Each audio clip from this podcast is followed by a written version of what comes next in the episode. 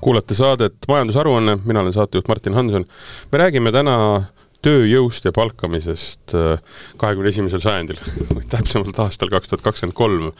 Ähm, arvestades, et me oleme oma majandusega, oma inflatsioonidega, oma maailma seisukorraga seal, kus me oleme, siis ega see töö tegemise ja nii-öelda inimeste palkamine on ka kiires muutumises, me räägime siin neljapäevasest töönädalast aina rohkem, me räägime sellest, et inimesed töötavad eri maailma paigus, saavad kokku interneti teel, noh, füüsiliselt võib-olla mitte kunagi, aga samas loovad suuri asju. Ähm, ja mul on stuudios kaks inimest, kellega väga põnev nendel teemadel rääkida, on KPMG-st partner ja vandeaudiitor äh, Liina Randman. tere! ja personalijuht Epp Sillast. tere! kuulge, ma küsin kohe niisuguse asja, et äh, kui äh, nüüd tööjõuturust rääkida, et kas kaks tuhat kakskümmend kolm on kuidagi teistmoodi, kui oli eelmine aasta? on näha kuidagi mingisugust teistsugust äh, vibe'i? arvestades, et me oleme nagu sellest koroonajamast nüüd väljas, me enam ei mäletagi, mis see on, olgugi et ma saan aru, et ikka inimesed haigestuvad, aga enam ei ole paanikat, äh, sõda on ka kuidagi nagu jäänud äh, mitte tahavaatepeeglisse, see on nagu halb öelda mm, -hmm. aga, aga pigem me aktiivselt kogu aeg ei mõtle sellele, mingi normaliseerumine on toimunud, eks ju. on kuidagi teistmoodi ka see tööjõuturul mõnevõrra vahepeal ju oli, et vahepeal tõesti värbajad juba olid üsna õnnelikud, et tundus kuidagi, et inimesed on jäänud püsivamaks, et eks see koroona nagu tekitas selle olukorra, et kas on mõistlik siis ettevõtet vahetada, vaatame, mis, kuidas see olukord siin praegu läheb, ja korraks tõesti nagu oli selline olukord, et et ei olnud nii palju töötajate liikumisi erinevate ettevõtete vahel. Ja kui see taastumine oli, et siis äh, siis tundus, et jällegi töötajad on nagu altimad vahetama ja oli nagu lihtsam inimesi leida. aga kui me nüüd jällegi vaatame, on ju, et me näeme, et äh, tööhõive määr on siin võrreldes teiste Euroopa riikidega ikkagi väga kõrge, et äh, ettevõtted aina rohkem on optimistlikumad ja ütlevad, et nad on valmis inimesi juurde palkama, et siis äh, jällegi see olukord nagu on samasugune, et äh, raske on inimesi leida, häid inimesi ja no viimati nüüd see avaldatud OSKA tööjõuvara, vajaduse prognoos siis ka, noh et sealt võib ju lugeda, on ju, et kui numbritest juba rääkida, et järgneva kümne aasta jooksul on, meil on iga aasta vaja juurde kaheksateist tuhat uut äh, tööjõuturule sisenejat, noh, nii-öelda pensionile jääjate ja uute ametikohtade täitmiseks ja tasemeõppes tuleb peale siis kuusteist tuhat, on ju, et me mhm. oleme siis iga aasta selle miinus kahe tuhande juures, et kus me siis neid inimesi leiame, et siin tuleb hakata tõesti mõtlema innovaatiliste lahenduste peale, vaadata kaugemale siit Eesti turust, et ja loomulikult ka see, et ega, ega enamus töökohti ju tegelikult täidetakse liikumistega siis ühest ettevõttest teise. aga tervikuna see ikkagi tööjõuturule inimesi juurde ei too. et ongi mitu aspekti, üks on tõesti see, et vaadata, kuidas siis sina oled parem tööandja võrreldes siis teiste tööandjatega siin Eestis, ja teiselt poolt ka siis see, et mis need võimalused siis ikkagi on, et, et mujalt siis inimesi leida, et kaugtöö on ju aina rohkem paindlikum töö, et inimesed saaksid siis oma eraelu ja tööelu ilusti mm -hmm. korralikult kokku sobitada, et vahepeal oli natuke teistmoodi, aga nüüd on jällegi see, et, et on, mhm. on sama olukord, mis siis enne koroonat jah, et äh, ilmselt äh, kui siin ajakirjandust ka nagu jälgida, et siis siis ilmselt see olukord äh, tulebki täpselt nii, et üks hetk on ühtepidi, teine hetk teistpidi, et äh, et tegelikult ju kui sektorite lõikes ka vaadata, et ega see sektorites see olukord on ka nagu ilmselt üpriski nagu erinev, et ühelt poolt me ju näeme noh, nüüd ka järjest nagu mingeid selliseid koondamise nagu teateid, eks, et ettevõtteid inimesi koondavad, teisalt eh, noh, nagu Epp siin välja tõi, et tegelikult see tööhõive määr on kõrge, mis tähendab seda, et tegelikult tervikuna ikkagi seda tööjõudu nagu turul nii-öelda nagu üle ei jää, et et selles mõttes jah, lihtne ei ole. tuleb vaadata, kuhu need inimesed on siit läinud, on ju, et kas no nad just, tahavad jah, tagasi jah, tulla. aga kas meil, äh, ma lugesin äh, USA turu kohta ja just töö, töö, töö, töötaja ja töövõtja suhte kohta seda, et äh, umbes neli miljonit inimest pärast koroonat otsustasidki, et nad ei lähegi tööle mm. -hmm. kas Eestis on ka mingit sellist numbrit näha, et ongi otsust, mingi osa inimesi otsustas, et äh, aitab küll, on teenitud, kuidagi saame hakkama, võib-olla pension lähedal, ma ei tea, müüsin maha oma nii-öelda investeerimiskorteri, et ei hakkagi jändama praegu sellega no see on juhtunud, et sa enam ei pea justkui füüsiliselt sinna tööle minema mm, -hmm. et seda trendi on kindlasti näha ja paljudes ettevõtetes ja ega ka KPMG-s oli ju see, et ikkagi oldi harjutud, et tööd tehakse kontoris, kuigi me oleme finantssektor ja juba ammu oleks võinud olla äh, kaugtöö või see hübriidtöö nagu suuremal määral, et see trend on nagu kindlasti ja ülemaailmselt, et et sul ei ole mõtet kohale sõita iga päev, kui sa saad mm -hmm. seda tööd ka mhm. mujalt teha, et sa sõidad siis sinna kontorisse tõesti, kui sul on vaja inimestega kohtuda ja koosolekutel osaleda ja kui sellel on mingi suurem siis selline lisandväärtus jah, ma siin jah, Epuga oleks selles mõttes nõus, et pigem on jah, näha seda just trendi sellest vaatest, et et mismoodi see töö tegemine on, et kas just jah, sellist numbrit on, et Eestis nüüd mingi ma ei tea, X protsenti inimestest otsustas mitte minna, seda ma ei ole nagu kindel, aga noh, teisalt, mida on siin ka viimaste aastate puhul nagu näha, on see, et et ka just eelkõige võib-olla noorte seas see, et soovitakse ikkagi teenida sellist passiivset sissetulekut või jõuda võimalikult kiirelt selleni, et kuidas hakata passiivset nii-öelda sissetulekut teenima, et mitte mhm. siis ikkagi ma ei tea, mida me siin kümme või rohkem aastat tagasi nägime, et ikkagi mingi karjäärialane siht ja tahan sinna jõuda ja tahan seda teha, aga just nagu võib-olla see trend on siin iga aastaga üha enam nagu suurenenud. finantsvabadus siis? just. et ei peaks äh vajaduse, lihtsalt vajadusest tööl ja, käima. jah, jah mm., täpselt. et seda on tegelikult päris palju või vähemalt nii palju, kui ma ise siin vestlustel olen olnud, et et ikkagi iga mingi, ma ei oska nüüd täpselt jah, niiviisi protsentuaalselt öelda, aga seda ikkagi kuulab, et noh, kellel on siin viie aasta pärast mingi eesmärk või kellel kümne aasta pärast, et mm., et neid eesmärke ikkagi on, jah. see on jah, see puudutab ka neid ettevõtete motivatsioonipakette, et kui vaadata, mida töötajad siis väärtustavad, et et siis tõesti see investeerimine on selline väga juba laialdasemalt hakanud levinud selline mm -hmm. huvi. kas see tähendab siis seda, et äh, inimest täna ei saa, head inimest ei saa enda juurde, kui sa ei luba talle optsioone või, või osalust või, või midagi nii-öelda pikaajaliselt, mitte lihtsalt ainult palka, pingpongi lauda ja, ja võimalust trennis käia?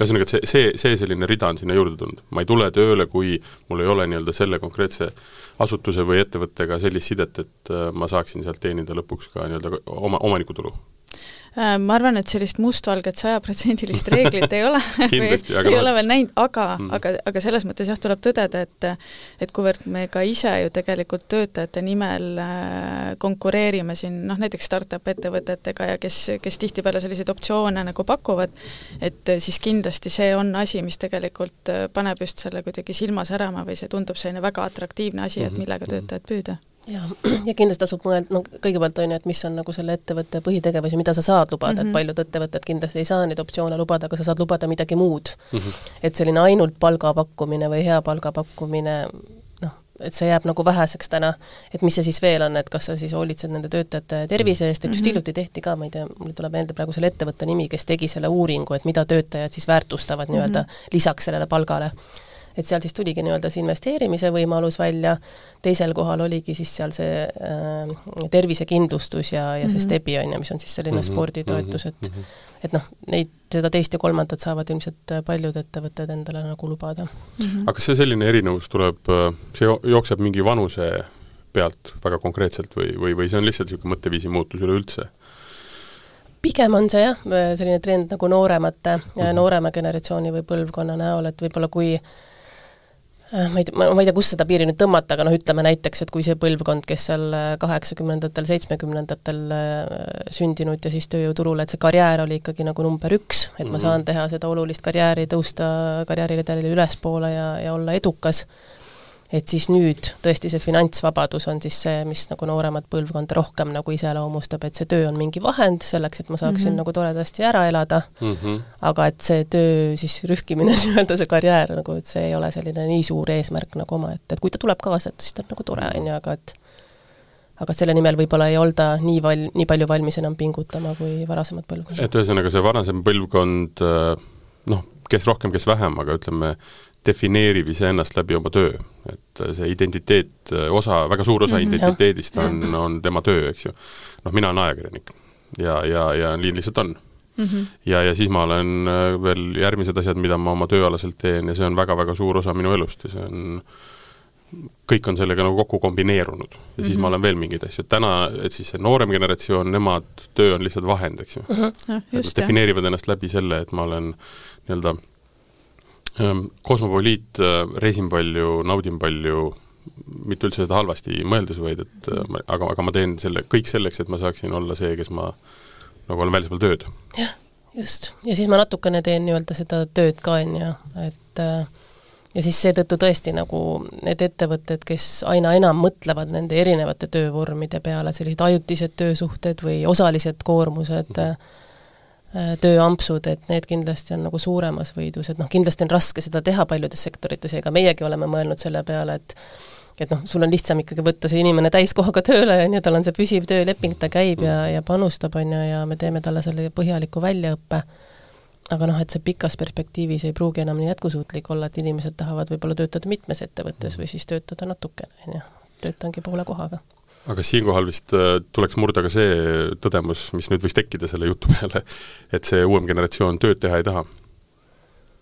et kas seal on küsimus selles, et nad ongi pigem, äh, soovivad vähem tööd teha, mm, soovivad äh, targemini tööd teha, no ühesõnaga, kuhu ma selle jutuga tüürin. Äh, minuvanused tahaksid öelda, et nad on laisad, eks ju.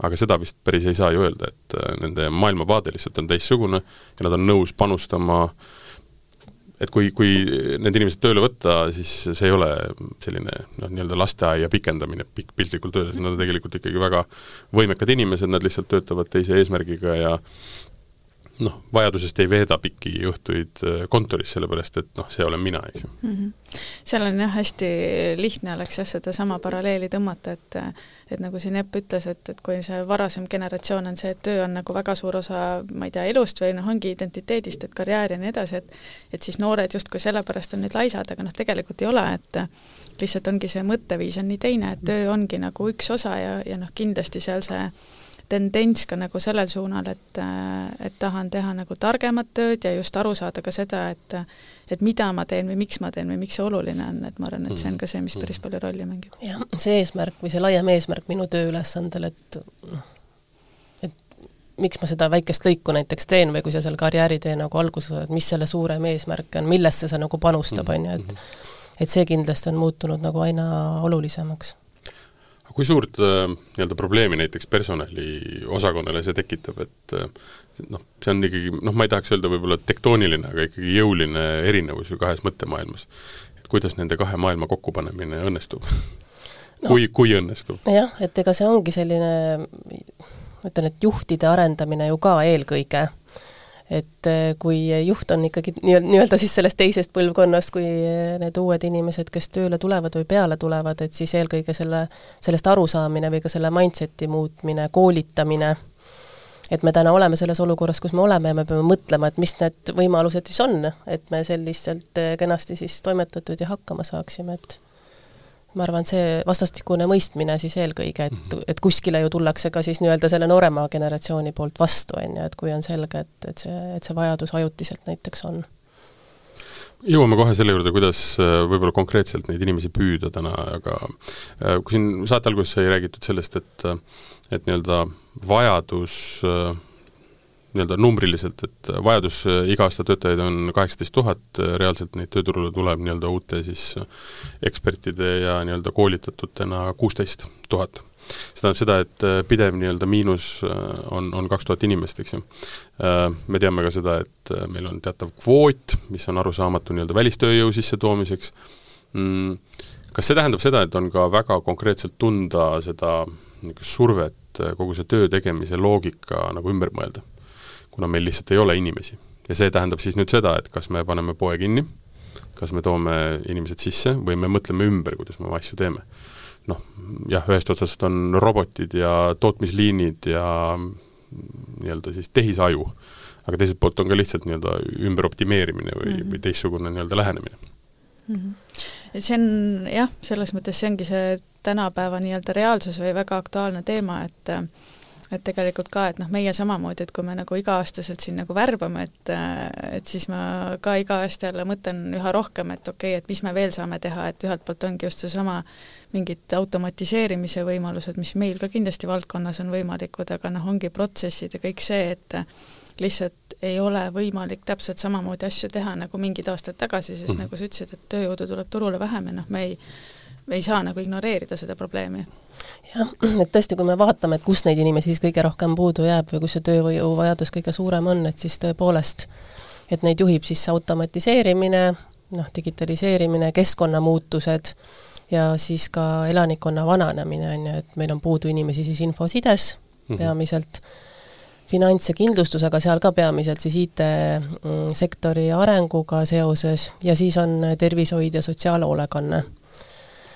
Ja noh, kui me siis mõt-, noh, mis need on siis, mis me saame teha, nagu Liina ka ütles, on ju, et me saame mõelda, mida me saame siis automatiseerida ja digitaliseerida, aga teiselt poolt kindlasti ka tööandjad võiksid vaadata, et noh, kui me oleme näiteks harjunud palkame teatud inimesi teatud ametikohtadele, noh näiteks ka, et me mõtleme, et me võtame siin igal aastal uusi noori audiitoreid tööle, ütleme, et me võtame noori tööle, eks ole, me võtame ülikooli lõpetajaid tööle, siis noh, et kas me peame ikkagi noori võtma, et võib-olla tasuks nagu mõelda ümber see, see persoon, keda me siis võtame, et noh, nüüd me oleme ka teinud, on ju, esimest mm -hmm. aastat siin ka, et et võtame ka karjääripöörajaid, me nimetame alustavaks audiitoriks, mitte enam nooremaks audiitoriks, et et kõik võimalused tuleb läbi mõelda ja loomulikult ka enda sellised värbamise võimalused või personali haldamise tarkvarad, et nad kõik oleksid siis kaasaegsed ja aitaksid meid meie tänases äh, olukorras.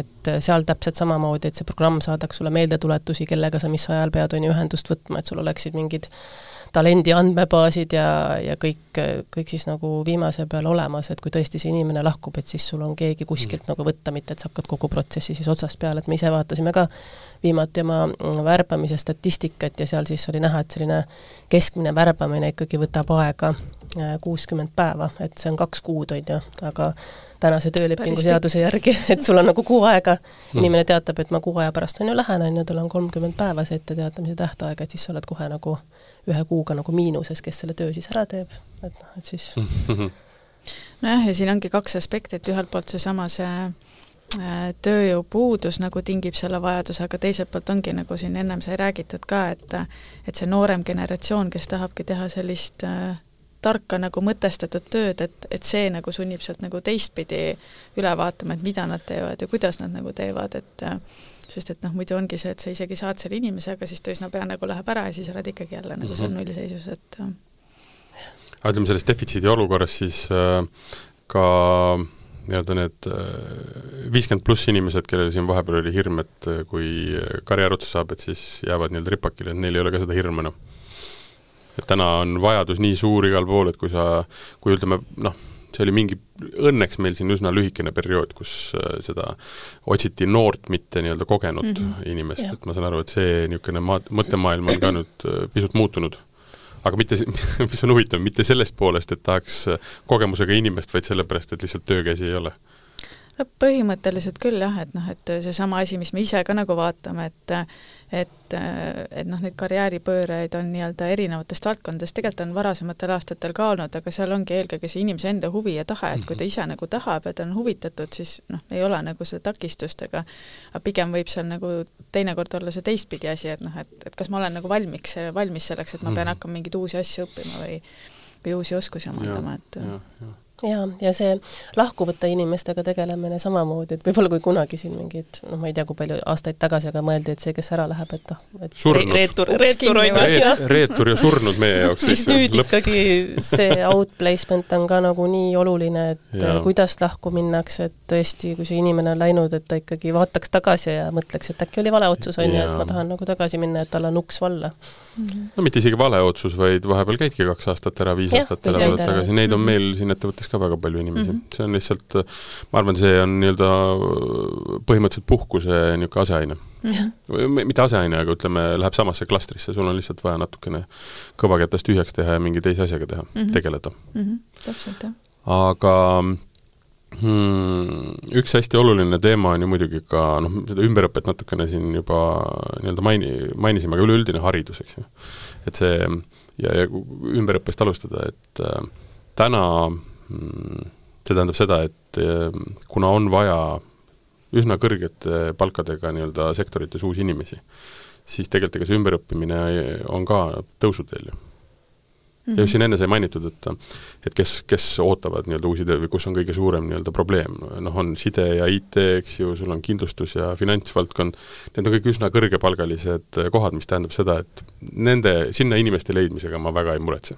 Need leitakse, seal nad skauditakse või nii-öelda värvatakse, otsitakse üles või, või neid inimesi on. aga probleem on noh, näiteks hoolekanne. seal ei lööda nii-öelda palganumbriga inimesi pikali, et tule nüüd, on ju noh, siin õpetajaid äh, Ida-Virumaal võeti päris jõulise palgaga, noh, mindi, aga tuldi ka tagasi, et raha ei ole ju ainukene asi, eks ju, et aga noh, üldiselt, et et see nii-öelda kõrgepalgaliste kohtade täitmine ei ole ju tegelikult nii suur probleem, pigem on küsimus just selles, et meil jääb väga palju vähemaks neid inimesi, kes või tühjaks jäävad need kohad, kus ma ei tea, siis palk ei ole kõige peamine motivaator, me räägime missioonitundest arstide puhul näiteks või nii edasi, nii edasi, et et kuidas, kuidas see alumine ots nii-öelda ära täita küsimuste küsimus, eks ju. see on tõesti väga raske nagu küsimus. et noh, eriti kui mõelda sinna selle sotsiaalhoolekande peale, et kus tõesti ju aina rohkem on ju elanikkonna vananemisega, et jah, et aga seal on ka seda inimlikku nagu kontakti vaja, et noh, kindlasti mingi osa sa saad sellest sealt robotiseerida, aga teisalt see on ikka väga suur, et siin tõesti siis me hakkame rääkima, et noh, nagu sa neid kvoote seal mainisid, et kus need inimesed siis on, et et need inimesed tegelikult on olemas, nad lihtsalt ei ole siin Eestis, nad ei ole siin võib-olla Euroopa Liidus, et tuleb vaadata siis kaugemale ja leida neid võimalusi sealtpoolt. Aga see kvootide teema on üldse selline põnev, et ma olen siin rääkinud erinevate inimestega mõne aja jooksul erinevates nii-öelda, erinevatel põhjustel erinevate artiklite jaoks ja ja noh, see küsimus sellest, et, et miks on Eestis nii-öelda sisserände või nii-öelda mitte sisserände, aga ütleme, nende eksp-, ekspertide sissetoomise nii-öelda kvoot, keegi ei suuda sellega nagu, keegi ei suuda vastata, et miks see on nii, ta on eluaeg olnud, eks ju, pidevalt äh, räägitakse sellest, kuidas jaanuari lõpuks on on see kvoot täis ja, ja siis kirjutame, noh, meil on tööd sellest ajakirjanikena, me saame kirjutada jälle aasta läbi, kuidas kõik maadlevad ja võimlevad probleemiga, et ei ole töötajaid kuskilt võtta. noh, kindlasti tuleb selle teemaga tegeleda, aga noh, ma mõtlen, et see on ka selline pikem nagu protsess ja, ja sõltubki, on ju, nendest reeglitest ja seadustest, aga noh, teiselt poolt, kui täna nagu ettevõtete peale mõelda, et siis kui sa nagu sellele takistusele keskendud, et siis sa nagu ei jõua kuskile, et noh, siis tuleb mõelda, et mhm. okei okay,, et täna on olukord selline, nagu ta on, aga mida ma nagu teha saan.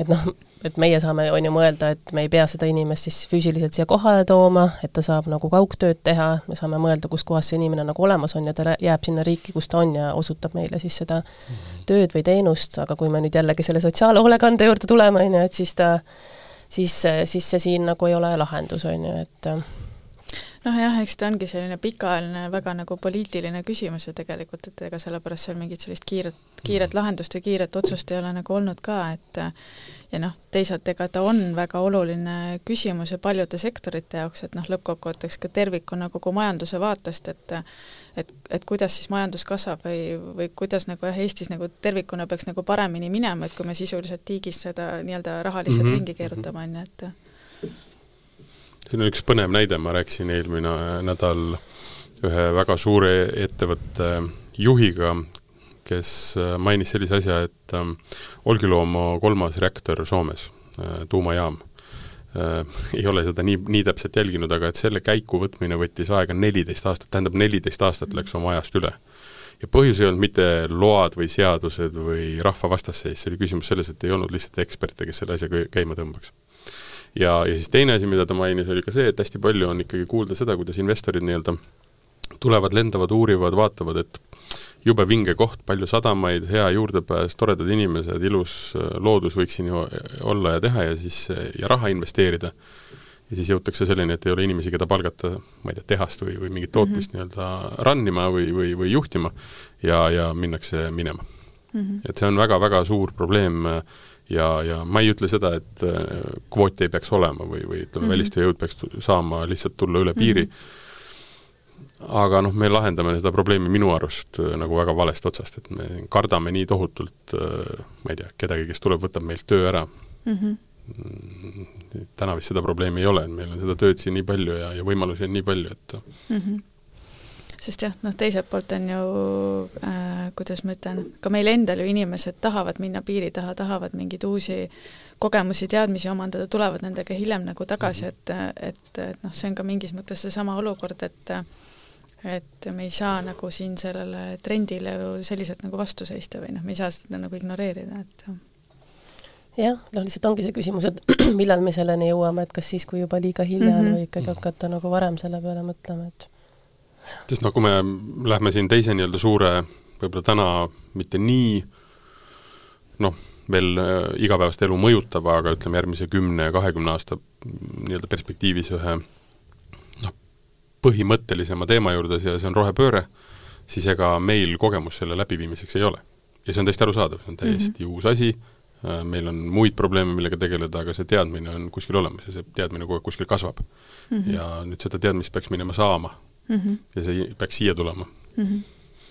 ja noh, selleks on inimesi vaja, kes tuleksid siia mujalt ja, ja annaksid meile nõu ja teeksid seda koos meiega ära, eks ju mm. -hmm jah, tõsi, noh tegelikult ütleme niiviisi, et Eestis on ka päris mm, noh, on ettevõtteid, et et äh, ma ei tea, ise ka ettevõtte juhtidega nagu suhelnud, et nagu neid ideid on nagu palju ja tegelikult seda ambitsiooni ka nagu selle rohepöörde osas nagu on või kuidagi noh, et näed, et juhi silmad lähevad kohe nagu särama, et kui ta sellest räägib, et jah, et tahame seda teha või tahame sinna jõuda või tahame siin nagu kõige nii-öelda esimesed omas nagu sektoris olla, et ja noh, tegelikult tööjõuturu kontekstis ka tervikuna, et ma ei oska nüüd jah, meie näiteks mingite vestluste statistikat öelda, aga tegelikult see on asi, mida ka, ka kandidaadid ise nagu küsivad ja noh, tõstatavad seda teemat, et noh, et mida teie näiteks teete mingi jätkusuutlikkuse või kestlikkuse nagu vaatest, et jaa, küsitakse küll, kuigi nüüd esimene küsimus hästi pikalt on olnud see, et kas on paindlikud töötamise mm -hmm. võimalused mm, -hmm et see on käinud isegi enne nagu palgateemat, et see on nagu kõige olulisem mm. -hmm. et kas ma saan, on ju, oma vaba aja tegevustega tegeleda oma perekonnaga või millegi sellisega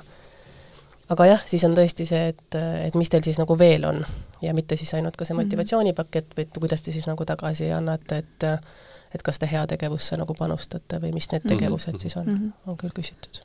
aga jah, et kuigi nagu Eestis jah, et tervikuna ütleme niiviisi, on see ikkagi väga nagu äh, esimeste, esimeste sammude tasanditel tervikuna kogu see nagu roha, rohepöörde nagu läbiviimine, siis ma arvan, et siin on jällegi selline päris nagu oluline konkurentsieelis, mis mingitel ettevõtetel võib tekkida ka tööjõuturu kontekstis just läbi mm -hmm. selle, et mhm.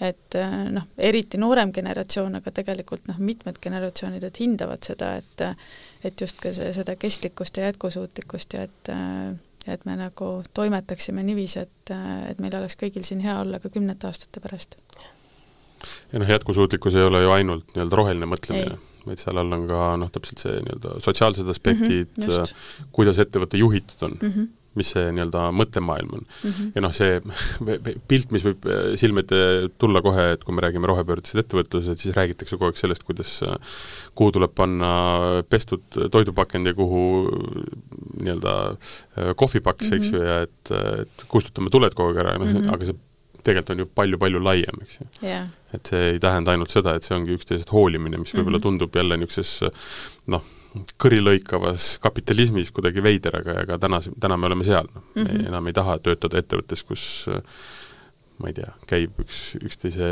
nii-öelda kukil enda üles upitamine mm. -hmm, täpselt absoluutselt, see hakkabki juba ettevõtte juhtimisest peale, mhm. on ju, või noh, ka näiteks mina nagu töötajana, ma mõtlen, et kui ma lähen sinna ettevõttesse tööle ja kui ma sealt väljun, et kas ma siis olen ikkagi terve ja, ja elus veel nii-öelda, on ju, et, kuidas seal see töökultuur nagu laiemalt on. ja siis tõesti kogu see äh, motivatsioonipakett siis mm -hmm. sinna juurde, võib-olla mhm. see tõesti, et millist kuvandit ettevõte siis väljapoole nagu kuvab, kuvab ja omab. üks, üks hästi põnev ja, ja, ja hea nii-öelda aspekt selle juures on see, kui kokku võtta nii-öelda, kuidas võib-olla uus generatsioon asjadest mõtleb, ongi see, et seda nii-öelda surnuks töötamise või nii-öelda mm, jah, haigeks töötamise poolt vist äh, kuidagimoodi enam ei pooldata. ehk et me räägime siin ikkagi noh, mina olen nelikümmend üks, äh, siin me räägime ikkagi pidevalt sellisest ületöötamisest ja ikkagi nii-öelda mm, noh, inimesed võtavad minu tutvusringkonnas järjest äh, nii-öelda nagu sabatikale või, või aastaseid pause, et, et nii-öelda oma elu nagu korda saada. see on õudselt kurb mm. -hmm. ja, ja see otsus äh, ennast, äh, okei okay,, osa, osadel on see konkreetselt nende enda soov jälle seesama karjäär nii-öelda kuskile viia, arusaadav noh, aga, aga, aga ikkagi jõuline enamus on neid, keda on lihtsalt äh, nii-öelda tühjaks töötatud mm. -hmm ja nad ei ole osanud sellele nagu kuidagi vastu astuda, sellepärast et see on noh, nii-öelda meie nii-öelda kinderstube, tuleb mm -hmm. tööd teha ja siis, kui kõvasti tööd teed, siis tuleb karjäär ja siis tulevad, tuleb edu ja siis saad rahulikult pensionipõlves äh, oma, oma põlvi ravida mm. -hmm noh, ma arvan, et siin ongi nagu see asi, et mida tegelikult äh, noh, kui nii võib jah öelda, et see noorem generatsioon nagu õpetab, ongi just seesama, et ise nagu seda otsustamist ja seda kontrolli võtmist, et noh, nagu sa just ütlesid ka, et noh, ma ei lähe selle nagu vooluga lihtsalt kaasa mm, -hmm, vaid noh, mhm. tegelikult ongi see, et ma nagu ise ise märkan, ise tean, mis on mu eesmärgid, ise nagu otsustan ja ja võtan nagu seda kontrolli rohkem, et noh, ega see selles mõttes, see ongi, see ongi tervislik, see ongi lõppkokkuvõtteks nagu õige, et jah, ja inimesed on ju erinevad, et noh, ühte, ühelt poolt me võime küll öelda, et, et me ise tekitame, on ju, seda endale, aga teiselt, noh, seda läbipõlemist on ju, et, et keegi ei saa meid läbi põletada, kui seal mingisugused mm -hmm. eeldused nii-öelda selleks mm -hmm. ei ole olemas. Aga mida tööandjad ju saavad teha, on, et harida töötajaid ja et nad oskaksid sellele tähelepanu pöörata, sest et kui sa oledki nii noor, on ju, inimene ja, ja sisened alles sinu esimene nagu töökoht, sa oledki sellest nii vaimustatud, sa, sa ei saagi aru, miks ma, miks ma ei või siin teha, ma ei tea, kaheteisttunniseid tööpäevi ja oma trenne ära jätta ja sõpradega kohtumisi, siis noh, see tööülesanne on vaja ju valmis saada, ma tahan ju ikkagi ka edukas olla ja, ja karjääri teha, aga et äh, arusaamine sellest, et, et sa teed endale liiga ja seda noh, vaba aja tegevusi ei tohi mm -hmm. nagu ära jätta, et sa pikalt oleksid jätkusuutlik ja terve. et tõesti, et, et inim-, inimesi siis harida, et mitte ainult selles osas, mis on see erialane, erialased teadmised, aga kogu see muu sinna juurde nii-öelda, mida meie siis sellest soft skills'iks mhm. nimetame, et mm, -hmm. et õpetada siis töötajaid, õpetada ka seda, kuidas tervislikult tööd teha. no just, ja see ongi kõik eh, nii-öelda jätkusuutlikkus sellepärast et eh, niimoodi on võimalik ettevõttel areneda, inimestel areneda ja mingil mm -hmm. hetkel ei ole me olukorras, kus noh, sein on ees, inimesed ei jõua enam rohkem tööd mm -hmm. teha ega ei ole noh, küsimus ei ole isegi tööd tegemises või aja kulutamises, lihtsalt efektiivsus on niivõrd mm -hmm. madal, et äh, me ei jõua mitte kuskile niimoodi mm. -hmm. jah, ja oskus märgata ka, et selleks ka see -hmm. juhtitooni mm -hmm. arendamine, et ma muidu ei saa ka aru, töötaja ei ütle ka muudkui, teeb ja teeb, kõik asjad on nagu tehtud, aga et millal see pilk ikkagi juba selliseks läheb, et sa saad aru, et kui ta ütleb, et mul on kõik hästi, siis tegelikult ju nii ei ole, on ju, et sa oskaks siis ka neid kriitilisi küsimusi küsida kui me räägime konkreetselt sellest aastast kaks tuhat kakskümmend kolm, siis äh, mis on äh, nii-öelda tööandjate kõige suuremad äh, väljakutsed omale inimeste leidmisel? me oleme siin rääkinud erinevatest asjadest, aga võib-olla väga konkreetselt, et et meil on aeg teist, jälle noh, iga aasta on teistmoodi, eks ju mm -hmm., et äh, jah soovitakse nii-öelda optsiooni või soovitakse mingit pikka, pikka tulevikku, soovitakse vähem tööd teha, efektiivsemalt võib-olla tööd teha, aga konkreetselt, ma saan aru, see on hästi erinev erinevates äh, valdkondades, eks ju, aga on mingid sellised konkreetsed trendid, mis on, mis on täna aktuaalsed ma arvan, tegelikult peaks ikka kõik algama sellest nagu läbimõtlemisest, et muidu võib ju tõesti tööandjana ka siin hulluks minna, vaadata, et mida kõike seda startup'id ja uued ettevõtted pakuvad, oi see hüve, teine hüve, nagu kolmas hüve, lõpuks sul on ka see nagu motivatsioonipakett juba ületab sinu finantsilisi võimalusi, pakud nagu kõike justkui kõigile. Mm, -hmm. aga siis mit-, mitte nagu seda võib-olla, mida töötajad tahavad või eelistavad, et tõesti nagu vaadata korra, et, et mis see minu ettevõtte nagu eesmärk on, mis need tugevused on, mida ma saan nagu lubada teha ka see motivatsioonipakett selliseks menüüpõhiseks, et ei pea olema ju kõigile kõike ja see on ettevõttele ka kallis, mõni lihtsalt mõtleb, et mhm. okei okay,, töötajad, ah, kui pakutakse, ma võtan, aga noh, kas sellest nagu mingit lisandväärtust nagu sünnib, et parkimis, parkimiskohta ei ole kõigile vaja? absoluutselt jah, et no, kellele parkimiskoht, kellele tervisekindlustus, kelle, kellele midagi nagu muud, et eelkõige see, ja siis tõesti jah, nagu varasemalt ka juba mõni aeg tagasi siin mainitud, on ka see, et keda siis äh, me vajame, kas neid inimesi on, kus nad on, planeerida siis seda, et mõelda, et kas me tegelikult võiksime midagi asendada, kuskil mingid värbamise või mingid profiilid siis nagu muuta, on ju, seesama, nagu me rääkisime, kas noored versus äh, vanemaealised, et mida selleks siis teha on vaja, et kas rohkem koolitust või mida me peaksime nagu tööprotsesside osas siis muutma kas mul on olemas kõik need head tehnoloogilised vahendid, on ju, et, mhm. et hallata kogu seda informatsiooni, seda on ju siis nagu meeletult, on ju, et et sellised asjad, ma arvan, et on oluline nagu mm -hmm. läbi mõelda. ma arvan jah, et, et võib-olla kui seda nagu tervikuna niiviisi kokku võtta, et siis see ikkagi jõuab nagu sinna, et see, mis siin nagu varasematel aastatel ka on nagu, kuidas ma ütlen, seda tööjõuturgu iseloomustanud, ehk siis see tööjõu nagu nappus, mis nagu valitseb, teiselt poolt nagu töötajaid on vaja, et, et siis see lihtsalt pingestab ettevõtteid võib-olla üha rohkem selles suunas, et ühelt poolt just sisemiselt üle vaadata, et et noh, nagu Epp ka ütles, et keda mul päriselt vaja on ja mis need protsessid on ja äkki me mingit protsessi, midagi saame nagu ringi teha, ja teiselt poolt siis jah, veel täpsemalt ikkagi vaadatakse seda, et keda ma siis värvata tahan, et, et leida see nagu, leida see õige inimene üles ja mitte siis võib-olla liiga kitsalt ka vaadata võib-olla ikkagi arvestada seda, seda ka, et see võtab rohkem aega mm, -hmm. et Mhm. nagu noh, juba varakult siis planeerida, et see värbamine on pikem Mhm, protsess, see on mhm, nagu mhm. võtab rohkem aega ja ka see, et noh, tihtipeale on siis see värbaja võib-olla suuremates ettevõtetes, kes nagu siis värbama peab, juht ütleb nii, nüüd mul on vaja kähku, olgu olemas, on ju, mul on lahkumisavaldus nagu laua peal, et et siis ka see juht siis saaks aru, et, et see ei ole enam niimoodi, on ju, et see tõesti võtab kauem aega ja vastastikust sellist koostööd ja ja ka nii, need juhid juba hästi varakult mõtleksid selle järelkasvu peale ka ise, et kus need inimesed võiksid olla, et ma nagu investeeriks ka aega nagu sellesse, et neid Mhm, kontakte siis mhm. nagu luua, on ju, käia siis nendel kohtumistel, et mõelda, kus ma neid inimesi nagu ka kohata võiksin, et ja, ja et eks see on selline koostöö.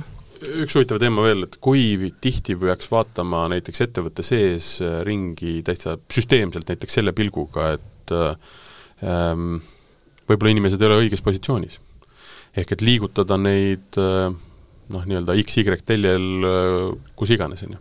noh, loodame, et neid nii-öelda allapoole oma ametis ei, ei, ei viida, aga selles mõttes just pigem võib-olla ütleme, niisugusel horisontaalteljel, et ähm, et väga, ma ei, ma ei kujuta ette, kuidas see olukord täna on, aga ma kujutan, aga, aga vähemalt äh, ma arvan, et väga paljud inimesed on, teevad vale tööd mm. -hmm.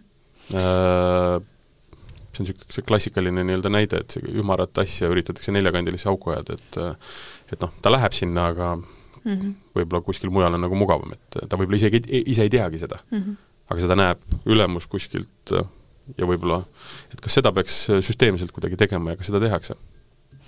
Ma ei tea, kas siin regulaarsuse või selle süsteemsuse osas nagu ainuõiget vastust on, et kui tihti seda aastas peaks tegema, aga ma arvan, see on kindlasti nagu oluline koht, et et kus see noh, mingi nagu selline pidev ülevaade peaks tegelikult olema inimesest sellest vaatest, et nagu kuhu ta jõuda tahab või mis talle teha meeldib või kuidas tal nagu läheb, et et, et isegi kui nagu täna kohe ei ole seda teistsugust vajadust või võimalust, et siis noh, mingi hetk, kui see nagu tekib, et sa tead kohe, et ahaa, okei okay,, mul on see inimene, aga noh, teiselt poolt ka nagu see, et ennetada jah, neid võimalikke probleeme, et et see on kindlasti oluline, aga noh, ma arvan, et see on ka asi, et mida mida ei lahenda ka ainult sellega, et üks kord aastas nagu teed mingi sellise tunniajase vestluse, et kuidas läheb ja siis on nagu teada, et, et see peab ikkagi tihedam töö olema jah, eks jah, see juhtimiskultuuri on ju komponent, et mm -hmm. oli küll neid aegu, kus üks kord aastas oli see arenguvestlus ja siis töötajaga räägiti, et noh, ma tahaks uskuda, et et väga vähe on neid ettevõtteid täna, kus seda mm -hmm. korra aastas tehakse, et noh, meie teeme neid korra kuus või, või kaks, kaks korda kuus on need vestlused, et olenevalt kust valdkonnast, et siis sa saad juba hästi varakult, on ju, töötajaga selle isikliku suhte luua, et siis ta julgeb sulle ka öelda, kui tal mingid kõhklused ja kahtlused on tekkinud nii-öelda nagu heal ajal loodud mm. suhtega, et kui siis midagi hakkab kiiva minema, siis on ikkagi see suhtlus nagu selline avatud ja noh, see on õige, et, et tegelikult tuleb ju näpp peale saada nagu enne, kui see töötaja mm -hmm. juba kuhugi kandideerima hakkab, et noh, mõeldes, et ei tea, kas siin ettevõtte sees nagu saab liikuda, et võib-olla ikkagi vaadatakse viltu, et ma parem vaatan nagu väljapoole mm, -hmm. aga noh, tegelikult väärtuslik inimene majas on ju koolitatud, et, et ta võiks vabalt ju töötada lihtsalt mõnes, mõnes teises positsioonis mm. -hmm, mm -hmm. et võima-, võimalikult siis tihti peaks see vastus vist olema, on ju, et ikkagi mm -hmm. leida see aeg, et et suhelda oma töötajatega, teada siis, mis neid huvitab sest et see on äh, täpselt see, et mis huvitab.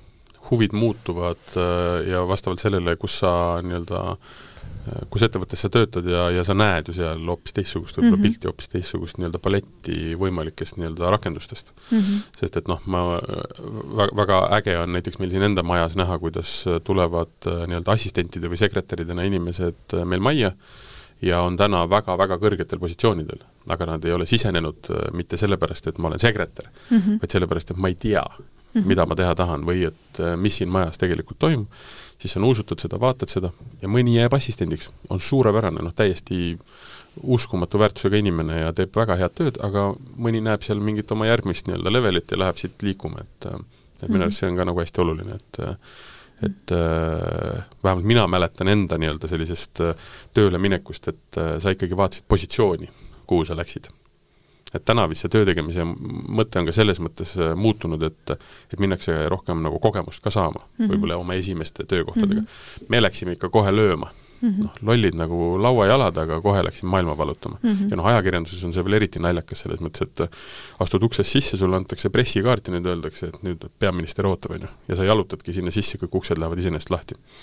ma mäletan, ma mõtlesin selle peale, et noh, sõbrad, see on elu. aga noh, küsimused olid ju geneerilised ja, ja noh, mind kasutati ju räigelt ära, sellepärast et noh, rumal inimene läks küsima küsimusi mm -hmm. noh, see on üks näide, eks ju, aga et aga et see on see, mis ju õpetab, eks ju. nojah, ja, ja tegelikult noh, oluline asi ongi see, mis sa siin ise ka just mainisid, et ähm, et äh, tihtipealegi inimesed tegelikult ei oska ka öelda seda, et mis see positsioon on või mis see konkreetne ametikoht on, et noh, mida ma siis teha tahan, vaid äh, vaid seal tihtipeale tulenebki, tulebki võib-olla läheneda hoopis läbi selle, et okei okay,, aga mis sulle meeldib või noh, et et mis sul nagu silma särama paneb, et ma olen ise ka palunud osadel inimestel sama asja teha, et kui vahel on see, et no ma ei tea, et kas päris see või teine või kolmas, et ka, et okei okay,, aga pane kirja, et noh, et mis sulle meeldib või mis on need asjad, et mis nagu noh, ikka jubeda kangutamise peale nagu ainult tuleb, et noh, selge see, et igal nagu kohal on asju, et mis tuleb ära teha, tee mis tahad, on ju, et sa ei pääse sellest, aga lihtsalt ka see, et, et suuta nagu ära nagu mhm, kirjeldada mm -hmm. või läbi selle seda infot kätte saada et see on ju tegelikult, me enne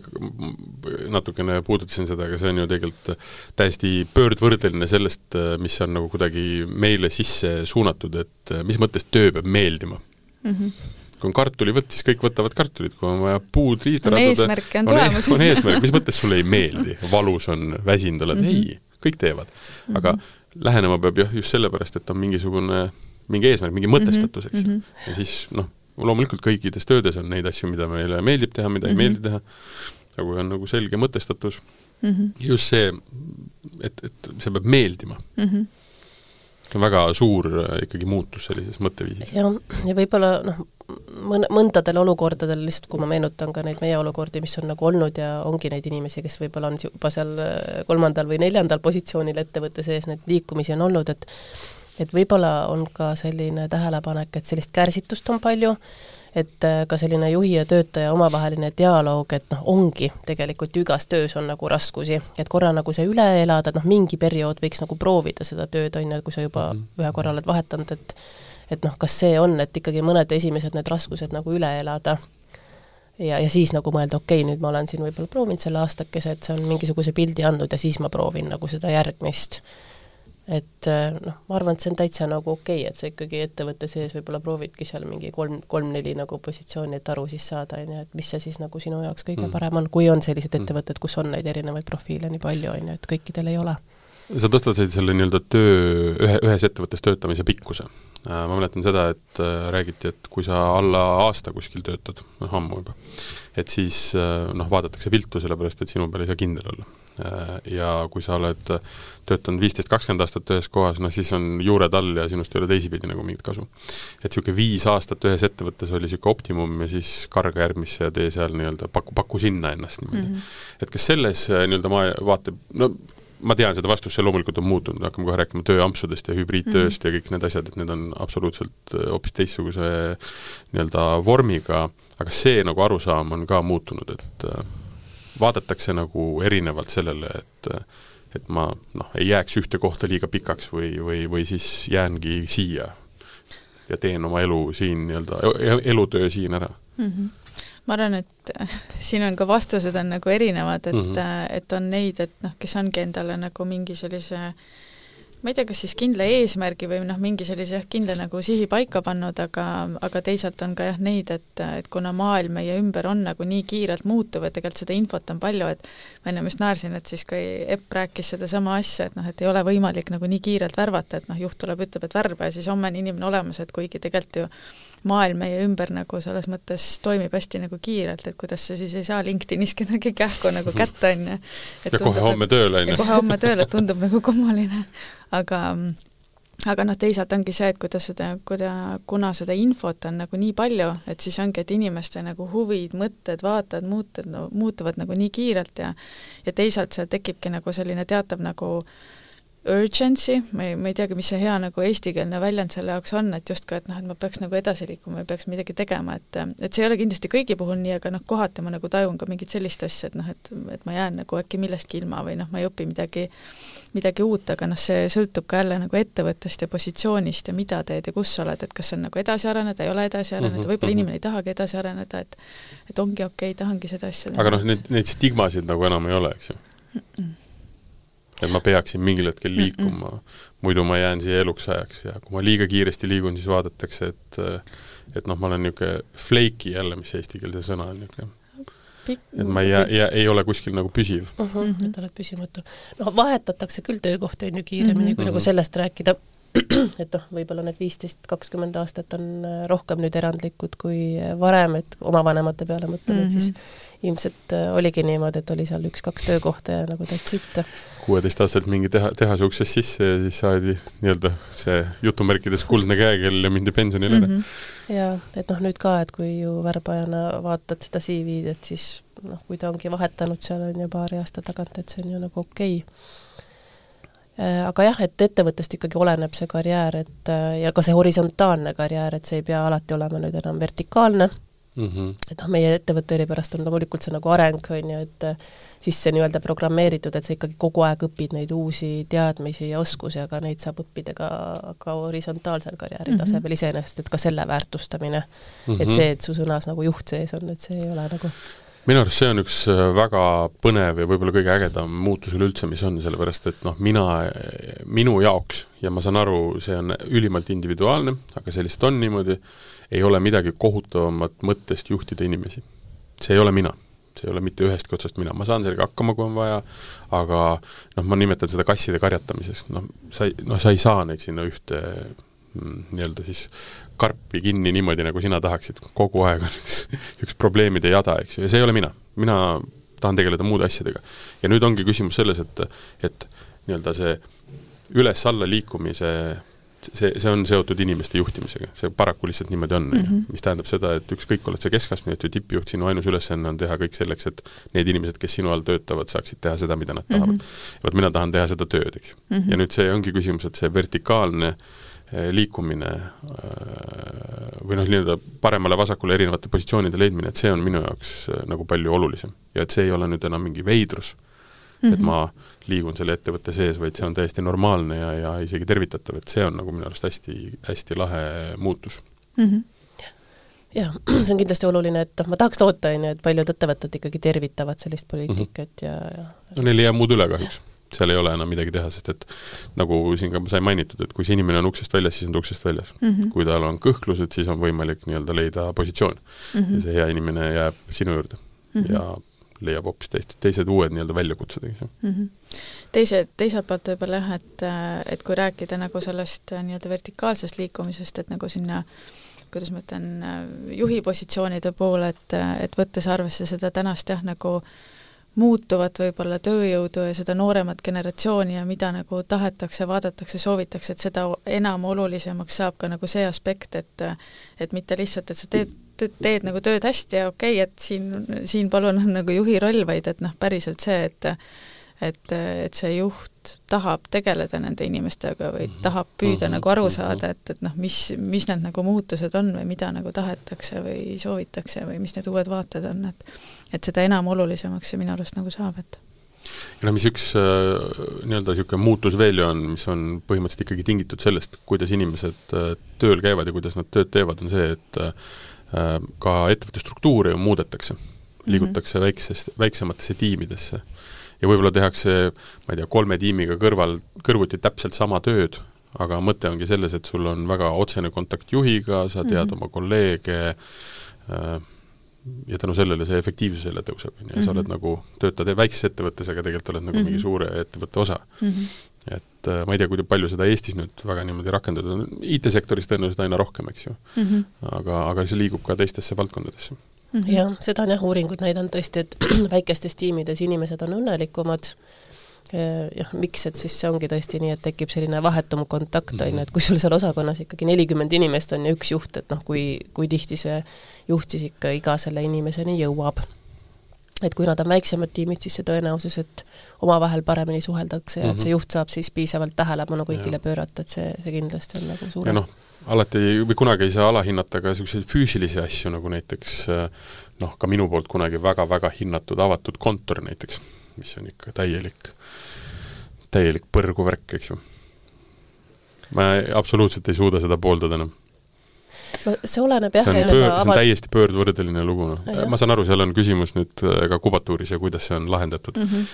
aga noh, inimesed istuvad kõrvaklapid peas ja suhtlemist on praktiliselt null arvestades seda, et tema mõte on see, et me oleme ühes ruumis ja kõik mm -hmm. kuidagi oleme koos ja siis mm -hmm. mõtted vabalt lendavad, ükski mõte ei lenda vabalt seal mm,. ja see on tegelikult hästi-hästi oluline ka nagu aina rohkem sellele kas inimesed valivad, millise tööandja inimesed valivad mm? -hmm ma arvan, et siin on teiselt poolt ongi ka see küsimus, et noh, mis see töö üldse on, et mida mm -hmm. nagu tehakse, mis see nagu tööstiil on või milline see tööpäev nagu välja näeb ja ja teiselt poolt, nagu sa ise ka ütlesid, et just see nagu, ma ei tea, kontori nagu ülesehitus ka, et okei okay,, et avatud kontor, aga teiselt poolt kas siis neid erinevaid, ma ei tea, nurki, ruume, mis iganes nagu kohti, diivaneid, mingeid selliseid nurgataguseid on nagu piisavalt, et kus siis saab mingeid arutelusid pidada või mõtteid vahetada ja midagi muud sellist, et, et ma arvan jah, et siin see kas avatud kontor või mitte, et hästi lihtne oleks vastata ei või jah, aga tegelikult ma arvan, et see, see nagu vastus on siin jah, mitme nagu dimensioonilisem, et see on jah, et et noh, mida töötajad soovivad, ikkagi inimesed soovivad, on, on see turvatunne, on ju, et ma mhm. tunneksin ennast hästi mhm. seal töökohal mm -hmm. ja et ma tunneksin ennast nagu turvaliselt.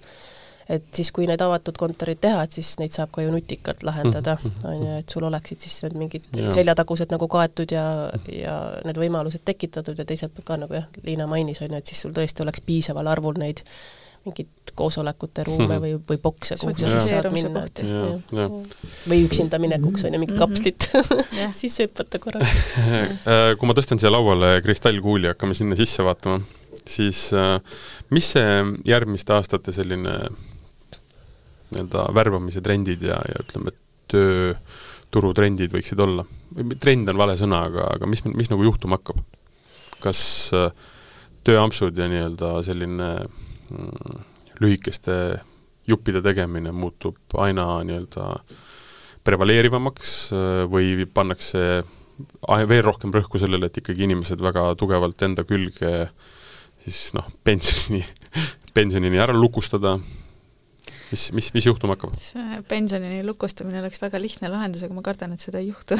pensioniiga ei jõua kätte lihtsalt see ei jõua kätte ka. liigub eest ära kogu aeg, jah? just. aga no ma mõtlen, et ega siis äh, palju asju sai siin juba jutu käigus mainitud, et noh, kindlasti üks on, on ju see, et arvestada siis tõesti, et see värbamine võib võtta rohkem aega, sellepärast et mm -hmm. planeerimisele tuleb ikkagi pühendada ka korralikult aega, mõtte, mõelda siis, kustkohast need inimesed leida ja, ja siis investeerida sinna siis aega nende leidmiseks kindlasti jah, see, see oli arvestamine siis sellega, et inimesed võivad eelistada siis mitut töökohta, et töötan natuke siin, natuke seal mm -hmm. või mhm. siis soovin töötada osalise koormusega, mõelda siis, kuidas sa seda kõike nagu ära haldad, et kindlasti teatavat halduskoormust on ju, toob see kaasa, kas sul on nagu kaks täiskohaga inimest või sul selle täidab on ju neli inimest juba mm -hmm. natuke mm -hmm. rohkem nagu tööd äh, juures selle võrra. no siis jah, ja siis ongi see töö ja eraelu nagu integreerimise teema ka, et äh, et mitte enam see work-life balance, vaid see work-life integration, et mm -hmm. et kas sa ettevõtte kultuuris oled juba arvestanud sellega, et inimene võib-olla tahab seal, ma ei tea, lõuna ajal on ju kaks tundi pausi teha, tegeleda oma hobidega, mis tal on mm, -hmm. või siis tõesti mm -hmm. lastega, kui nad seal kodus olemas on, et et nende peale kindlasti tasuks, tasuks mõelda ja siis jah, me juba rääkisime ka sellest motivatsioonipaketist, on ju, et mis see siis on, et kuidas sa näitad ikkagi siis tööandjana, et sa seda inimest väärtustad, kes sulle tuleb, et et mis see siis veel on, et mm. lisaks sellele heale tööle ja eesmärgile, et kuidas sa siis oma inimestest hoolid, et nad oleksid siis terved, et nad suudaksid mm. Äh, toimetada ja ei, ei satuks sinna siis tööstressi või sellesse rattasse, millest me ju rääkisime, mm. et see mõte sellest nii-öelda rätseplahendusena pakutavatest hüvedest, see mõte mulle nagu meeldib.